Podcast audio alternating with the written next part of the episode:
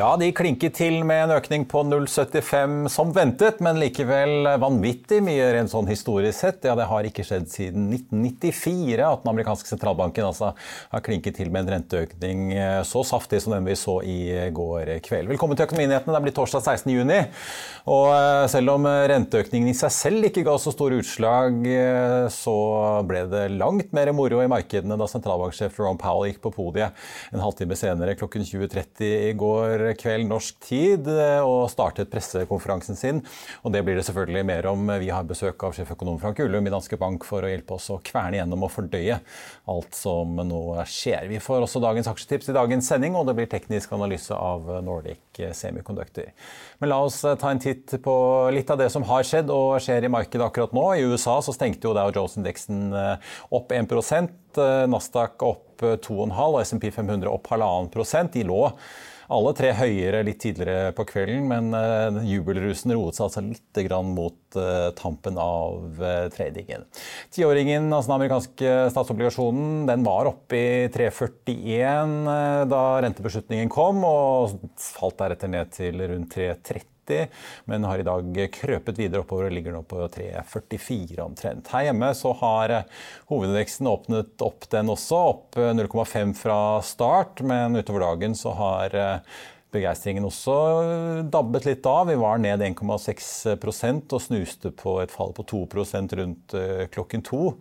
Og ser da ut til at vi i hvert fall har hentet oss noe inn. Så får vi se hva fasiten blir da når børsen stenger i 16.30. Og Det er aksjer som Entra, XXL, altså Tech og Medisteam som trekker hovedveksten mest eh, ned i dag.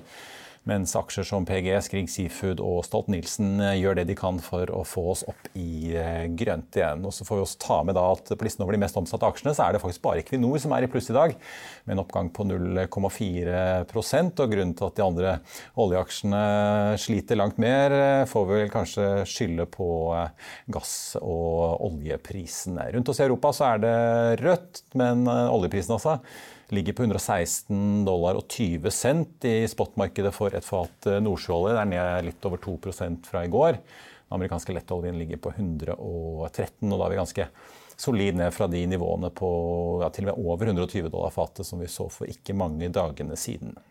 En annen pris som har svingt mye, er jo da gassen. Henry Hub-gassprisen i USA har falt kraftig i det siste etter denne brannen på LNG-anlegget Freeport i Texas, som jo da stenger en del gass inne i USA og gjør at man ikke får eksportert. Eh, rake motsatte utviklingen ser vi her i Europa, hvor eh, nederlandske gassprisen TTF har steget over 50% de siste tre dagene på da gjentatte meldinger fra Gazprom om stadig reduserte gassleveranser via Nord Stream 1-rørledningen.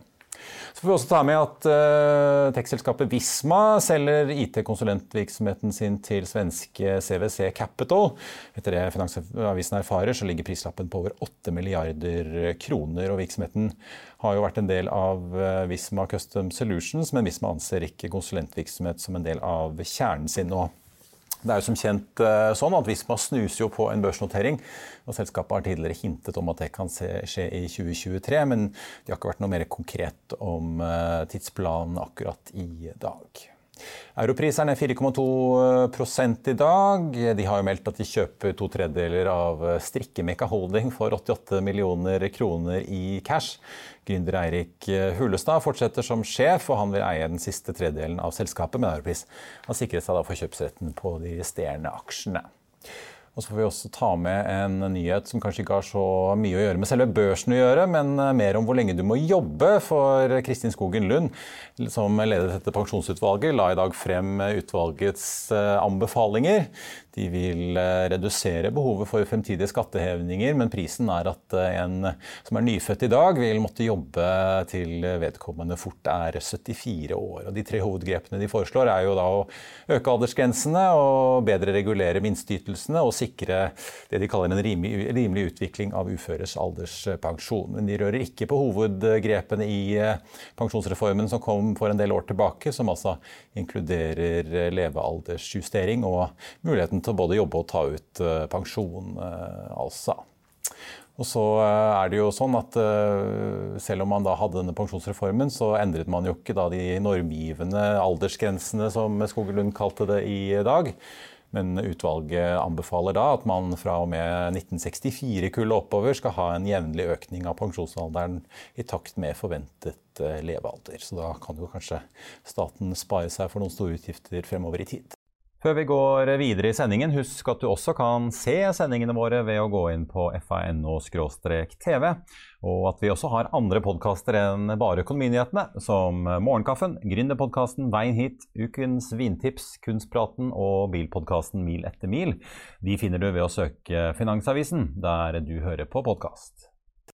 Og da skal vi over til dagens aksjetips, der både TGS, Yara Elkem og Stolt-Nielsen står på menyen. Pareto tror ikke moroa er over i seismikk helt ennå, og selv om Yara har skyhøye gassregninger om dagen, så tror Nordea at aksjen har mer å gå på. Det er torsdag 16.6, og her er dagens viktigste anbefalinger fra meglerhusene. I går fortalte vi at Nordeas Hans-Erik Jacobsen har tatt opp dekningen på Hexagon Composites med kjøp eh, og 40 kroner som kursmål. I dag er han ute med en oppdatering på Yara, som han jekker opp med nye 25 kroner til 550. Og han gjentar kjøpsanbefalingen. Og dermed er kursmålet nå rundt en hundrelapp opp fra dagens kurs. Flere investorer har den siste tiden kastet seg på stadig stigende oljeservice- og seismikkaksjer. TGS nådde sitt laveste nivå siden 2010 i oktober i fjor, men siden den gang så har aksjen sust opp til 178 kroner på det meste tidligere denne måneden, før den har roet seg litt ned, og nå ligger den da litt over 150. Paretos Bård Rosef har troen på mer seismikkmoro, og jekker nå kursmålet opp fra 130 til 180 kroner, og løfter også anbefalingen fra hold til kjøp. Dermed er det nå fem analytikere som sier kjøp, fire som sier hold, og én som sier selv på TGS. I går var ABG-analytiker Martin Melby ute med kutt i kursmålet på Elkem fra 48 til 36 kroner, og i dag er det Lars Daniel Vestby i Sparebanken Market som kutter fra 48 til 38 kroner. Men i likhet med Melby så gjentar Vestby sin kjøpsanbefaling på aksjen. Og så må vi innom shipping. Erling Håvaldsen i Pareto har hatt troen på Stolt-Nielsen en god stund, og idet aksjen bykser videre har han nå økt kursmålet marginalt til 290 kroner. Og selv etter at Stolt-Nielsen har steget 70 siden i fjor høst, ser Håvaldsen en oppside, gitt at børskursen nå ligger rundt 180 kroner. Og Det var dagens aksjetips. Siste nytt fra børsene får du som alltid på fa.no. Og TGS-aksjen er ned 2,7% i dag. Selskapet har jo for, for, for øvrig meldt om at eh, de nå eh, setter i gang en multiklientundersøkelse. Ikke for oljeseismikk, men eh, for å gjøre vindhastighetsmålinger da i Bite-området utenfor New York. Så tenkte jeg vi må sveipe innom en annen del av energibransjen, nemlig hva som nå utspiller seg mellom oljebransjen og president Joe Biden. Det er jo den eneste lille ordkrigen. Joe Biden var jo svært kritisk i valgkampen mot uh, oljeindustrien og var klar på at uh, det bl.a. ville bli slutt på å lease ut føderalt land til olje- og gasselskapene for mer boring. Uh, siden den gang har han jo snudd 180 grader, og nå har han til og med skrevet brev til næringen og oppfordret om både priskutt og produksjonsøkning fra amerikanske raffinerier, samtidig som da den amerikanske bensinprisen i snitt på landsbasis har sust opp over 5 dollar per gallon. Og en talsperson i Det hvite hus gikk til og med så langt i går som å si at man, administrasjonen anser det som en patriotisk plikt å gjøre noe med prisene. Siden den gang så har Exxon Mobil nå kontret med en uttalelse der de sier at eh, amerikanske myndigheter kan gjøre flere ting. Bl.a. på kort sikt eh, kan de oppheve Jones Act-reglene som vil gjøre det enklere å få skippet inn eh, mer produkter. Og på lengre sikt kan de ha citat, en mer tydelig og forutsigbar politikk, inkludert og jeg siterer igjen, jevnlige og forutsigbare leasingrunder av føderalt land til olje og gass. Og Exxon påpeker også at de fortsatte å investere under pandemien da oljeprisen altså suste ned i minus på det verste i det amerikanske markedet. Og selskapet skriver at samtidig som de tapte 20 milliarder dollar og måtte låne 30 milliarder dollar, så fortsatte de altså å investere for å møte den etterspørselen de forventet etter pandemien, som jo nå ser utspille seg i eh, markedet. Da har vi med oss eh, personen vi her i Finansavisen kalte koronavinneren tilbake i februar, fordi han var den som eh, raskest skjønte hvordan norsk økonomi ble rammet av pandemien, og dermed også ble påskjønnet med samfunnsøkonomisk prognosepris. Men nå er du her for å snakke om noe ganske annet, nemlig det elleville makroshowet, i hvert fall vi makrointeresserte så i går kveld, Frank Ullum, sjeføkonom i Danske Bank. Ja. Vi eh, satt jo her i hvert fall tidligere i studio med Trygve Hegnar tidligere i uken og var enige om at ja, nå kanskje ser vi 0,75, men likevel eh, ble du overrasket da pressemeldingen tikket inn fra den amerikanske sentralbanken i går kveld? Nei, vi ble jo ikke det. Altså, vi hadde jo venta 50 punkter i utgangspunktet. Men så kom jo de lekkasjene her tidligere i uka, og det er klart det var så bredt basert og fra så gode kilder, og det var ikke tilfeldig.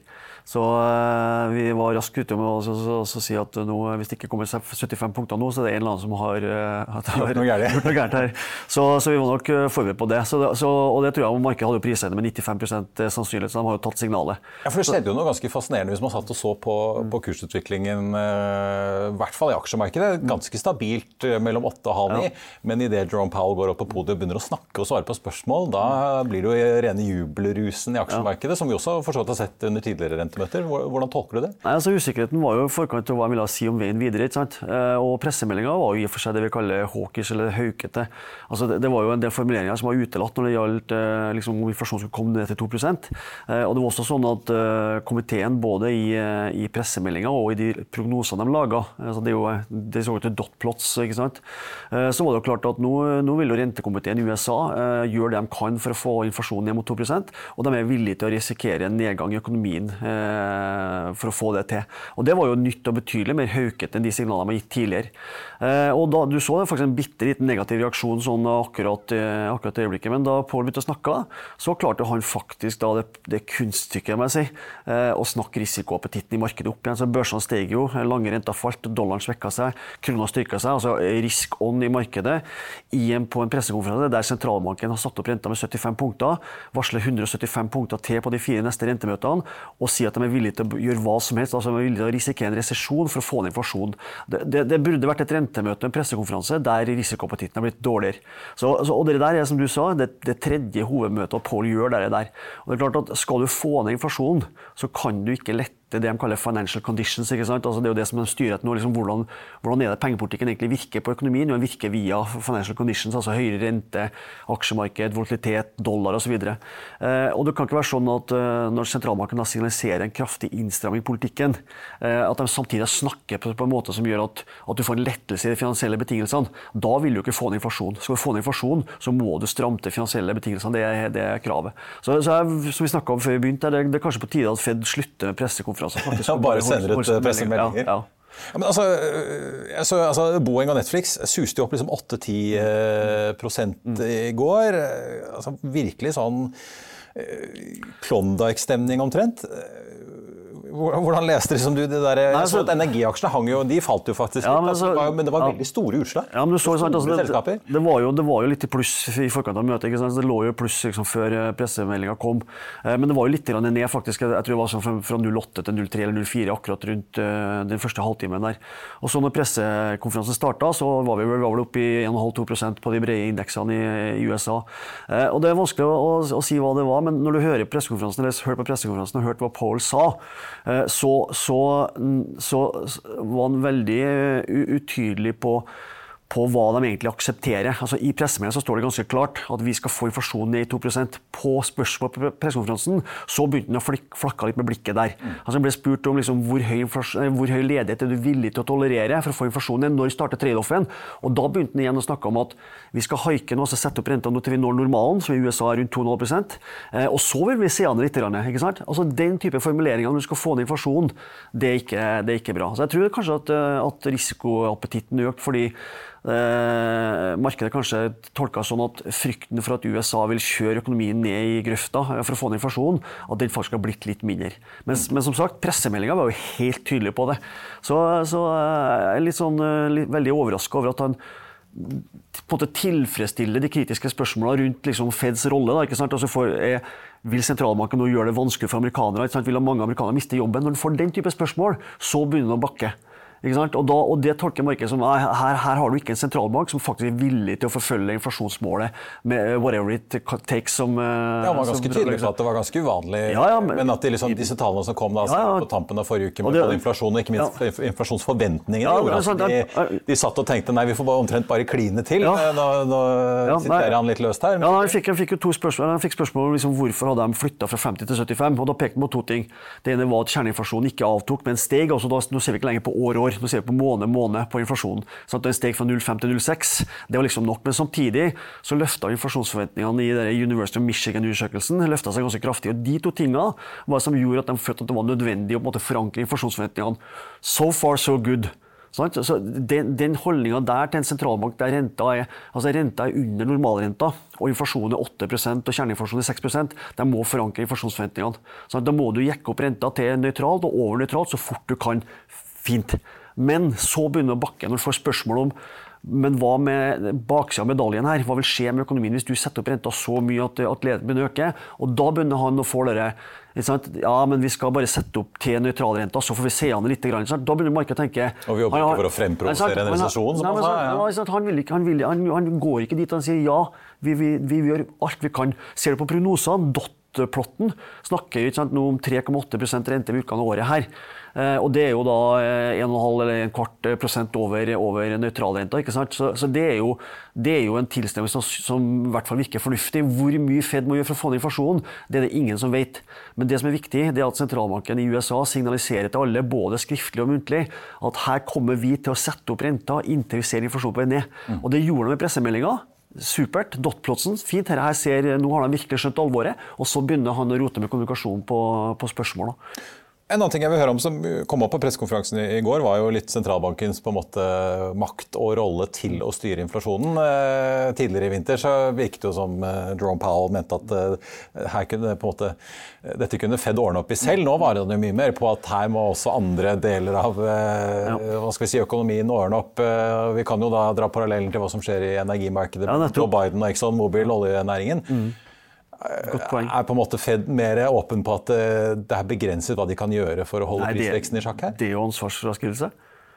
Altså, sentralbanken har ett mandat. det å få informasjon. Nå har de et dualmandat i USA, riktignok. Men, men, men, men, men, det viktigste, viktigste det, er, det er å få, å få, inflasjon. Du kan ikke ha 6 i inflasjon.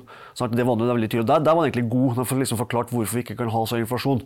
Uh, men, men sant, uh, når da begynner å snakke om at men her, her er energikrise, krigen i Ukraina osv., det, og det der hører du fra politiske myndigheter overalt nå alle prispress, Du hører samme i Norge. Alt det prispresset inflasjonen vi ser, det er pga. krigen i Ukraina. Det er jo ikke det. Det er en mye lengre historie. sant? Uh, og, olje- og gassprisene var jo ja, altså, olje- og gassprisene var, var jo høye før det, og skyldes ja. jo underinvesteringer i olje og gass i mange år. Eller i hvert fall underinvesteringer i energi. da. Så Energisituasjonen var jo ganske eh, pressa før pandemien. og Så kom da 20 løft i globale vareetterspørsel, ikke sant? og så får du inflasjonstendenser. Men sentralbanken har på en måte et, et mandat. Eh, det er å få inflasjonen ned, gjøre det de kan for å få inflasjonen ned. Og det er klart, Du kan ikke gjøre noe med tilbud tilbudssida, verken i energimarkedet eller i kobbermarkedet for den saks skyld, på kort sikt. Men hva må du gjøre da? Jo, da må du dempe etterspørselen inntil den har falt langt nok ned der tilbudet er. Da slutter inflasjonen å stige. Og, og på veien dit så, så, er det en del, eh, en del eh, som faller av bussen, ikke sant. Og det er jo det som er problemet. Så, så, så sentralbanken har, det er ikke sånn at de har kontroll over, over si, høyt tilbudsdreven inflasjon fra energimarkedet. Nei, men da må de stramme til etterspørselen, sånn at etterspørselen er tilpassa tilbudssida, sånn at inflasjonen eh, avtar. Det, det er, det er dealen. Og det, det, er akkurat som du sier, akkurat samme du hører fra Biden. ikke sant? Det er aldri snakk om at det var en pengetrykking du ikke har sett maken til noen gang, kombinert med en finanspolitikk du ikke har sett i fredstid. Det er aldri noe snakk om at det er det som er årsaken til inflasjon. sier de aller fleste økonomer vil jo si at viktigste årsaken til at inflasjonen er så høy i dag, det er den stimulative politikken som ble ført i USA i 2020 og 2021, og som ble ført altfor lenge etter at pandemien egentlig var over. Ja. Men, men, det er jo ingen av, altså det er verken administrasjonen eller sentralbanken villig til å innrømme. Nå. Og at det ikke er investert i, for, eller for å ta unna. Mm. Eh, jeg merker meg fortsatt, han, ikke, han virket ikke noe nervøs for boligmarkedet der borte, som var liksom den store triggeren i finanskrisen for en 15 eh, år siden. Han, eh, han sa at etterspørselen er fortsatt langt over det tilbudssiden der, så at, at de strammer inn, da får man bare Nærme, de to nærmer seg litt? Grann. Men, men der, der, tror jeg du peker på noe veldig viktig. som jeg tror markedet, og du har sett I dag nå så har markedet snudd igjen. ikke sant? Nå er det liksom negativt til Europa. Nå, nå har jeg ikke sett hvor futuren i USA åpner, men, men, men, men, men risiko... Jeg kan ta litt for det her ja. mens vi snakker. ja. Ja, det er fortsatt ganske røde futures. Ja, ikke sant? Og, og, og, og det har vært risk-off i markedet. Ikke sant? Du har sett dollaren styrka seg, krona svekka seg. Sant? Sånn de typiske risk-off-indikatorene. Og det, det, har nok sammenheng med at når, når, du begynner å tenke deg om altså vi tenker om at USA skal sette opp renta med 175 punkter, eller 200 eller 225, eller hva de skal gjøre, fram til jul for å få inflasjonen ned, så er det, liksom, det, det, som er problemet, at det er vanskelig å tenke seg at det skal kunne gjøres samtidig som ledigheten blir liggende på 4% og boligmarkedet får en sånn soft landing. Det er den frykten du har. ikke sant? Det at de renteprognosene som ligger der fra Fed for å få inflasjonen ned, er da så kraftig dose at ja vel, du ser ikke noe tegn til det i boligmarkedet. Jo, du har faktisk begynt å se det. altså Boligsalget er jo kraftig ned, så det er jo, det er jo ikke helt sant.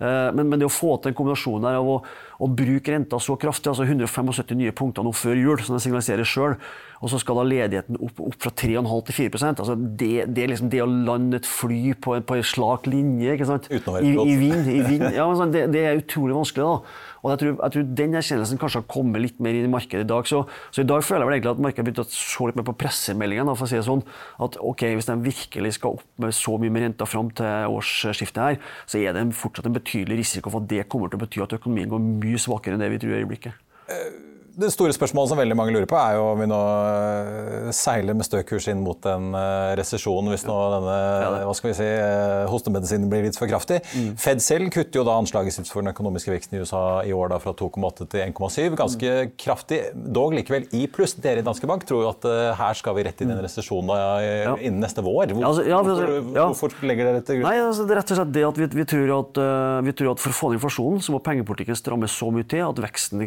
kommer til å komme under trenden at ledigheten begynner å øke en god del. Vi, når vi snakker om resesjon, snakker vi egentlig ikke om to kvartaler med negativ vekst, som ofte er tekniske forklaringer, men når vi snakker resesjon, så er det en resesjon der ledigheten kommer til å øke betraktelig. Mm. Og der boligmarkedet i USA kommer til å gå veldig svakt. Det er det vi egentlig mener. Altså, resesjon måte mer i sånn samfunnsmessig forstand enn en teknisk.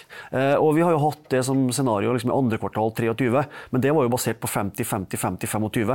Nå tar de jo og frontloader, som det heter på trøndersk. altså ta, tar hele renteøkningene her før, før jul. Det skal jo bare opp med én eller to ganger med renta neste år. Ja. Men det betyr jo at vi vi holder på med det, men vi, eh, vi kommer nok til å justere tidspunktet for resesjon i USA fram i tid det er mye, så mye mer sannsynlig at den nå kommer slutten av året her tidlig neste år. Rundt årsskiftet, ja, for ja, dere spør jo ja, ja. nye 075-økning nå i juli. Jerome selv sa 0, sannsynligvis da 05 til 075, eh, gitt at ikke det skjer noe veldig nytt på datafronten. Ja, men, men det, det, var akkurat det. det, var akkurat det altså, vi, vi, skal liksom tolke hva, hva Fed sier de kommer til å gjøre hvis nøkkeltallene går sånn og sånn. Og det Fed sier, det er jo at vi vil, vi vil komme til å, å, levere ganske kraftige renteøkninger, altså 0,75 eller 0, i hvert fall 0,50, men mest sannsynlig 0,75, inntil månedlig inflasjon avtar. Og de prognosene og modellene vi ser på, tyder ikke på at det vil skje på flere måneder. Og Det betyr at vi tror at de kommer til å levere 75 punkter igjen sant, på julimøtet, og så da levere 50 ut, ut året her. og Da har du da 4% styringsrente i USA slutten av året. Ja. Ja, og, og sant, da har du hatt da har du hatt uh, 3, prosentpoeng renteøkning for alle som skal refinansiere låna. Altså, alle amerikanske bedrifter skal refinansiere låna, 3% høyere rente. Så Langrentene de, de, de, har jo ofte obligasjonsgjeld. Og husholdningene som skal begynne å refinansiere nå, vil da refinansiere. Ikke Nå er jo 30 års eh, boliglånsrente i USA godt over 6 sant? Den var, ja. var under, det ikke, Jeg sjekket den, det ikke så lenge siden. Da var den på 5 ja, det, altså, det, var, var, det, var, under 3,5 ved inngangen til året. Mm. Sant? Det tidlige året her. Det, nå, er det, nå er det fixed rate, så det tar litt tid før det slår gjennom, men det vil jo slå gjennom. Ser på nyboligsalget. Så vi tror at den, den doseringa der, eh, sammen da med fallet i aksjemarkedet, volatiliteten i aksjemarkedet og, og, en sterkere dollar, gjør at amerikansk eh, økonomi eh, får det veldig tøft. Egentlig så er det litt sånn, Hvor mye renteøkninger skal til fra Fed for å få inflasjonen ned, det vet vi ikke. Men vi vet at den kommer til å sette opp renta inntil inflasjonen er på vei ned. Og det kommer til å bety at økonomien går i en resesjon. Ja. Mm. Ja, Man vil jo snart få en ja, grei avkastning på sparekontoen i banken. Ja, det tempoet her. Ja. ja, for Du får ikke opp tilbudssida fort nok ikke sant, til å ta ned inflasjonen. Så hvis du virkelig mener det, og det ses jeg mener så, så, er du nødt til å gjøre det. Og da vil du få en, Det vil ikke bli noen langvarig, det vil ikke bli sånn finanskriseresesjon. fordi at Du skal bare få ned inflasjonen, og så skal du gradvis begynne å, å jekke renta ned til normalen igjen. Så det er selvfølgelig spørsmål altså energibildet framover. Det er jo de to tingene som gjør at vi har vært litt, uh, litt negative. Det ene er jo at vi tror at ja vel, nå begynner økonomien liksom å svikte, men det får ikke noe hjelp av sentralbankene. Sentralbankene må stramme til for å få ned inflasjon. Vanligvis ville de begynt, med QE ikke sant, og kutta renta. Så det er det ene. Og det andre at du får ikke noe hjelp av energipriser, som du ofte får når global økonomien avtar. Fordi at det er så stramt på tilbudssida av energimarkedet. Og de to tingene er ofte sånn, sånn medvind når det begynner å butte. Og det, det, det, den hjelpa får du ikke nå. Vi kunne snakket veldig mye mer om hva som kom frem på Fed i går, men vi må vende blikket litt over dammen eh, til oss selv. Mm. Det var et hastemøte i ECB i går. Eh, og i dag så har vi fått eh, både Bank of England og sentralbanken i Sveits, som begge mm. strammer til eh, for så vidt som ventet da Bank of England øker på femte møte på rad, da med 0,25 til 1,25. Sveitserne de er jo fortsatt i minus, men de tar ned halv, et halvt prosentpoeng til, til minus 0,25. Og så er jo da spørsmålet hva som skjer her hjemme. Men først litt sånn på kontinentet. Hva er det som skjer der, da? Lagarde har krisemøter og Ja, altså eh, ECB er jo Du kan snakke om at Fed er bak kurven, men ECB er jo håpløst bak kurven, dem òg. Sant? Nå har ikke inflasjonen liksom vært like tydelig, men ECB har jo også hatt altså de har minus 0,50 på renta. Eh, og de har og kjøpt eller altså kjøpt verdipapirer fram til 30. juni. Og så skal de da varsle at nå skal vi opp med renta. Sant? De blir tvunget fram. De har liksom sagt nei, nei, nei, nei. Vi skal ikke opp, sånn, Den langsiktige inflasjonen ikke påvirka, lønnskostnadene er lave osv. Og så blir inflasjonen så høy at de er nødt til å reagere. Og Problemet for sånn ECB eh, og i og for seg Riksbanken og sveitsiske nasjonalbanken er at de ligger jo med så lave renter at de har jo så langt opp til normalrenta. Det er derfor du er nødt til å ta store skritt. ikke sant? Og Der, er jo, der må du skryte av Norges Bank, som liksom har vært kanskje mest sånn framoverskuende sentralbanken i hele G10-området. Har begynt å øke veldig tidlig, på, ikke, ja. ikke, på løpende inflasjonstall, som var lav da den starta, men sa at ja, det bildet her betyr at vi, vi, vi vil, uh, inflasjonen vil begynne å ta seg opp i åra framover. Derfor så begynner vi å justere opp mot normalen mens vi har tid. Sant? Og sånn Risikostyringsmessig så er jo det genialt i forhold til det å vente for lenge. ikke sant? Så, så, Skrive en hyggelig sommerhilsen til, til dere som ja, da, men, det, men det tror jeg. Men, men Europa du så, ikke sant, altså, nå, nå, har de ennå ikke begynt å sette opp renta. De skal gjøre det nå. ikke sant? De begynner med renteøkning. De brukte junimøtet til å varsle at de kommer til å sette opp i juli. 100% sikkert. Men de har ikke rukket å begynne å sette opp før de da begynner å diskutere men hva skal vi gjøre med italiensk og søreuropeisk statsgjeld når vi begynner å sette opp renta. For det har de ikke råd til. Renta spriker. Så, så, så, så de har et inflasjonsproblem og må bruke renta, som, som nå er veldig stimulativ. altså Renta er veldig mye under normalrenta. Og så Før de har begynt med det, så begynner de å diskutere hva skal vi gjøre Altså vi, altså vi, har andre målsettinger enn inflasjon, og det som er skummelt. ikke sant? Og det er litt sånn som Powell. Jeg må ta hensyn til ledigheten og økonomien, fordi at der ligger det politiske presset. Og Litt sånn er det også i Europa. sant? Altså det, det er dere, ja ok, Men hva skjer med italiensk statsgjeld hvis vi begynner å sette opp renta og slutte oppkjøpsprogrammet? Så Nå får du da kue for de landene som da har slitt med, med, med sine. ikke sant? Og det er jo da, ja, ja det, du, du, har for mange målsettinger før du egentlig har begynt å sette opp renta. Ja. Hva skjer her hjemme, da? Hva tror du Ida Wolden Bakke gjør neste torsdag? Hun sitter jo også med norsk økonomi, hvor ja. Eh, vi så nå i regionalt nettverk eh, seks av ti bedrifter melder om kapasitetsutfordringer. Mm. Så høyt har det ikke vært siden 2007. Nei, men det var, nest, det var omtrent på samme nivå i februarmålinga. Ja. Som de hadde før marsmøtet. Så hvis du, hvis du, sier at eh, kapasitetsutnyttelsen i regionalt nettverk er et godt mål på produksjonsgapet, altså kapasiteten i norsk økonomi, og det tror jeg, og det tror jeg Norges Bank tror også, så, så vil de si at det lite endra siden marsmøtet, faktisk. Det er ingen grunn til å forsere en renteoppgang basert på det. Men når det er sagt, så har det vært en enorm oppgang i globale renter. Valutakursen er mye svakere. Og så har selvfølgelig inflasjonen vært høyere enn venta. De tingene trekker i retning at de vil gå mer aggressivt eh, fram ikke sant, på en eller annen måte på, på det møtet her. Men så kan vi jo begynne å diskutere sånn, det at globale renter har økt, altså Fed nå måtte forsere renteoppgangen sin, det vil jo bidra til å dempe det globale prispresset. Mm. Det, så, så, I modellen er det på en måte en sånn renteparitet der, som sier om hvor høyt kan norske renter komme gitt de europeiske renter eller gitt de globale rentene. Sant? Mens nå er det sånn at jo, jo strammere politikk Fed fører nå, jo, jo, mindre sannsynlig at vi får en langvarig periode med høy global vekst, eller høy global inflasjon unnskyld, som slår ut i importert inflasjon i Norge. Så egentlig så er det sånn at Jo mer Fed gjør, jo mindre trenger vi å gjøre. Ja. Så, så, men så har du da prisveksten. Altså, prisveksten har overraska på oppsida. Eh, men nå er det jo én print, da, men mye tyder på at inflasjonen er på vei oppover. Vi hører om matvarepriser og sånne ting. Så er spørsmålet bare Eh, Norges Bank som er skryta som liksom den mest framoverskuende sentralbanken, vil de gjøre det fortsatt? Vil de liksom fortsatt si at ja, men nå er metallprisene på vei nedover, fraktratene er på vei nedover, Fed strammer til, global inflasjon kanskje på vei nedover? Utsiktene for globale vekstbildet er mer på begge sider. Fed kan risikere en resesjon her, så liksom det er litt mer uklart. Eh, eller vil de tenke at nei, nå er det viktig å, å forankre inflasjonsforventningene? Vi husker Powell snakka om inflasjonsforventninger og måned-måned-inflasjon. Inflasjonsforventningene i Norge er på oppover langt under i eh, USA. Var, det, hvis du ser på forventningsundersøkelsen eh, til Norges Bank, så, så steg inflasjonsforventningene blant økonomer og arbeidslivets parter fra 2,55 til 2,60 fra februar til, til mai-runden. Det, det, er en økning, og det er mye høyere enn målet, men det er ikke noe dramatikk i det. Så, så vi holder en knapp på at de vil levere den renteøkninga, den, den kvartingen, sånn som Bank of England. Bank of England er ledestjernen til Norges Bank av alle globale sentralbanker. Ja, vi har kjørt 0,25 ja, Så, så, så hold seg til strategien. Vi har begynt, vi er ikke så langt unna normalrenta. Vi er bare 100 punkter under normalrenta i dag. Så gjør vi en renteøkning i juni, nå så er vi 75 punkter under. og Husk på at Fed er jo 100 punkter under i dag. Så Fed har nå kommet dit vi er, og dit vi har vært. Og så virker jo renta kraftig i Norge. Så det, det, er mye som, det er mye som taler for at du egentlig bare skal fortsette å gå forsiktig fram. Sett opp renta 25, og så spørsmålet er skal du si at vi kommer mest sannsynlig til å sette opp renta igjen i september, eller vil du si at det kan hende vi kommer til å sette opp renta i september. Mm. Det, for da har du to inflasjonstall ikke sant, eh, før det. Eller, eller, eller føler at det er noe sånn i, fordi inflasjonen har blitt så høy at det er fornuftig å komme foran kurven. Det, det er ikke så lett å gjette på. For det, det handler om liksom hvordan risikovurdering styret eller komiteen Norges Bank gjør.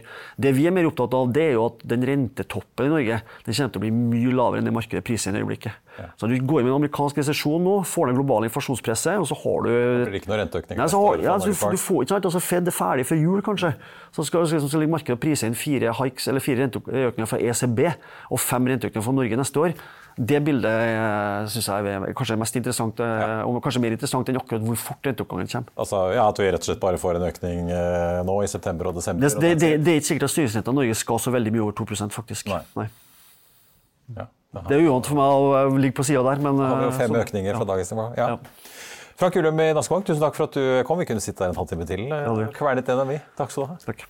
Så får vi ta med at Bergen Carbon Solutions, eh, som jo Øystein Strauss Betalen sitter tungt inni, fikk seg et lite løft i ettermiddag etter meldingen om at de nå utvider porteføljen med et nytt produkt som de kaller Multiwald Carbon Nanotubes. Selskapet opplyser at det nye produktet har bedre termiske og mekaniske egenskaper enn dagens eh, nanotrørløsninger. Og de mener dette vil åpne nye dører innen eh, nanomaterialbusinessen, da særlig innen batteriindustrien. Aksjen er nå ned 0,4% og er halvert siden nyttår. La oss ta en titt på eh, markedet nå på tampen av dagen. Hovedindeksen på Oslo Børs ned 1,9% og dermed vaker vi ja, rundt de nivåene vi har sett i ettermiddag etter den lille oppgangen på en halv prosent vi så fra start i dag i morges, altså da Oslo Børs åpnet, etter da den ganske solide oppgangen på Wall Street i går kveld. Nordsjøoljen ligger nå ned 1 117 dollar og 60 cent i spotmarkedet.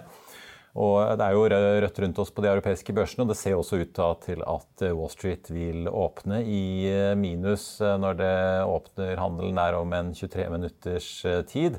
Nasdaq Futuresen ned 2,2% SMP Futuresen ned 1,9 Og så kan vi også ta med at Europris ned 3,7% fortsatt ganske solid ned i dag. altså. De meldte jo da om et oppkjøp. Og så har vi jo da TGS som Pareto har oppgradert ned 2,5% i dag, til 152 kroner. Pareto ligger da inne med kjøp 180. Listen over de mest omsatte aksjene, der er det enda et selskap som har blitt med Equinor eh, på de som da ligger over null.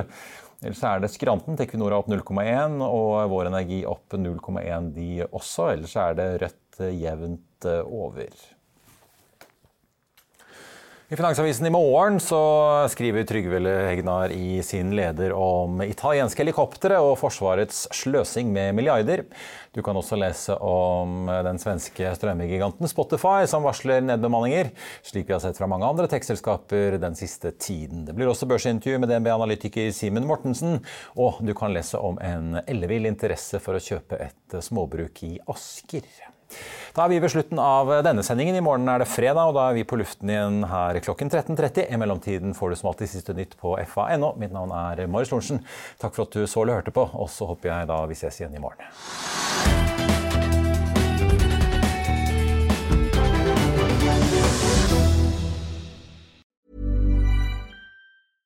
Small details are big surfaces. Tight corners are odd shapes. Flat, rounded, textured, or tall. Whatever your next project, there's a spray paint pattern that's just right. Because Rust new Custom Spray 5 in 1 gives you control with five different spray patterns. So you can tackle nooks, crannies, edges, and curves without worrying about drips, runs, uneven coverage, or anything else. Custom Spray 5 in 1. Only from Rust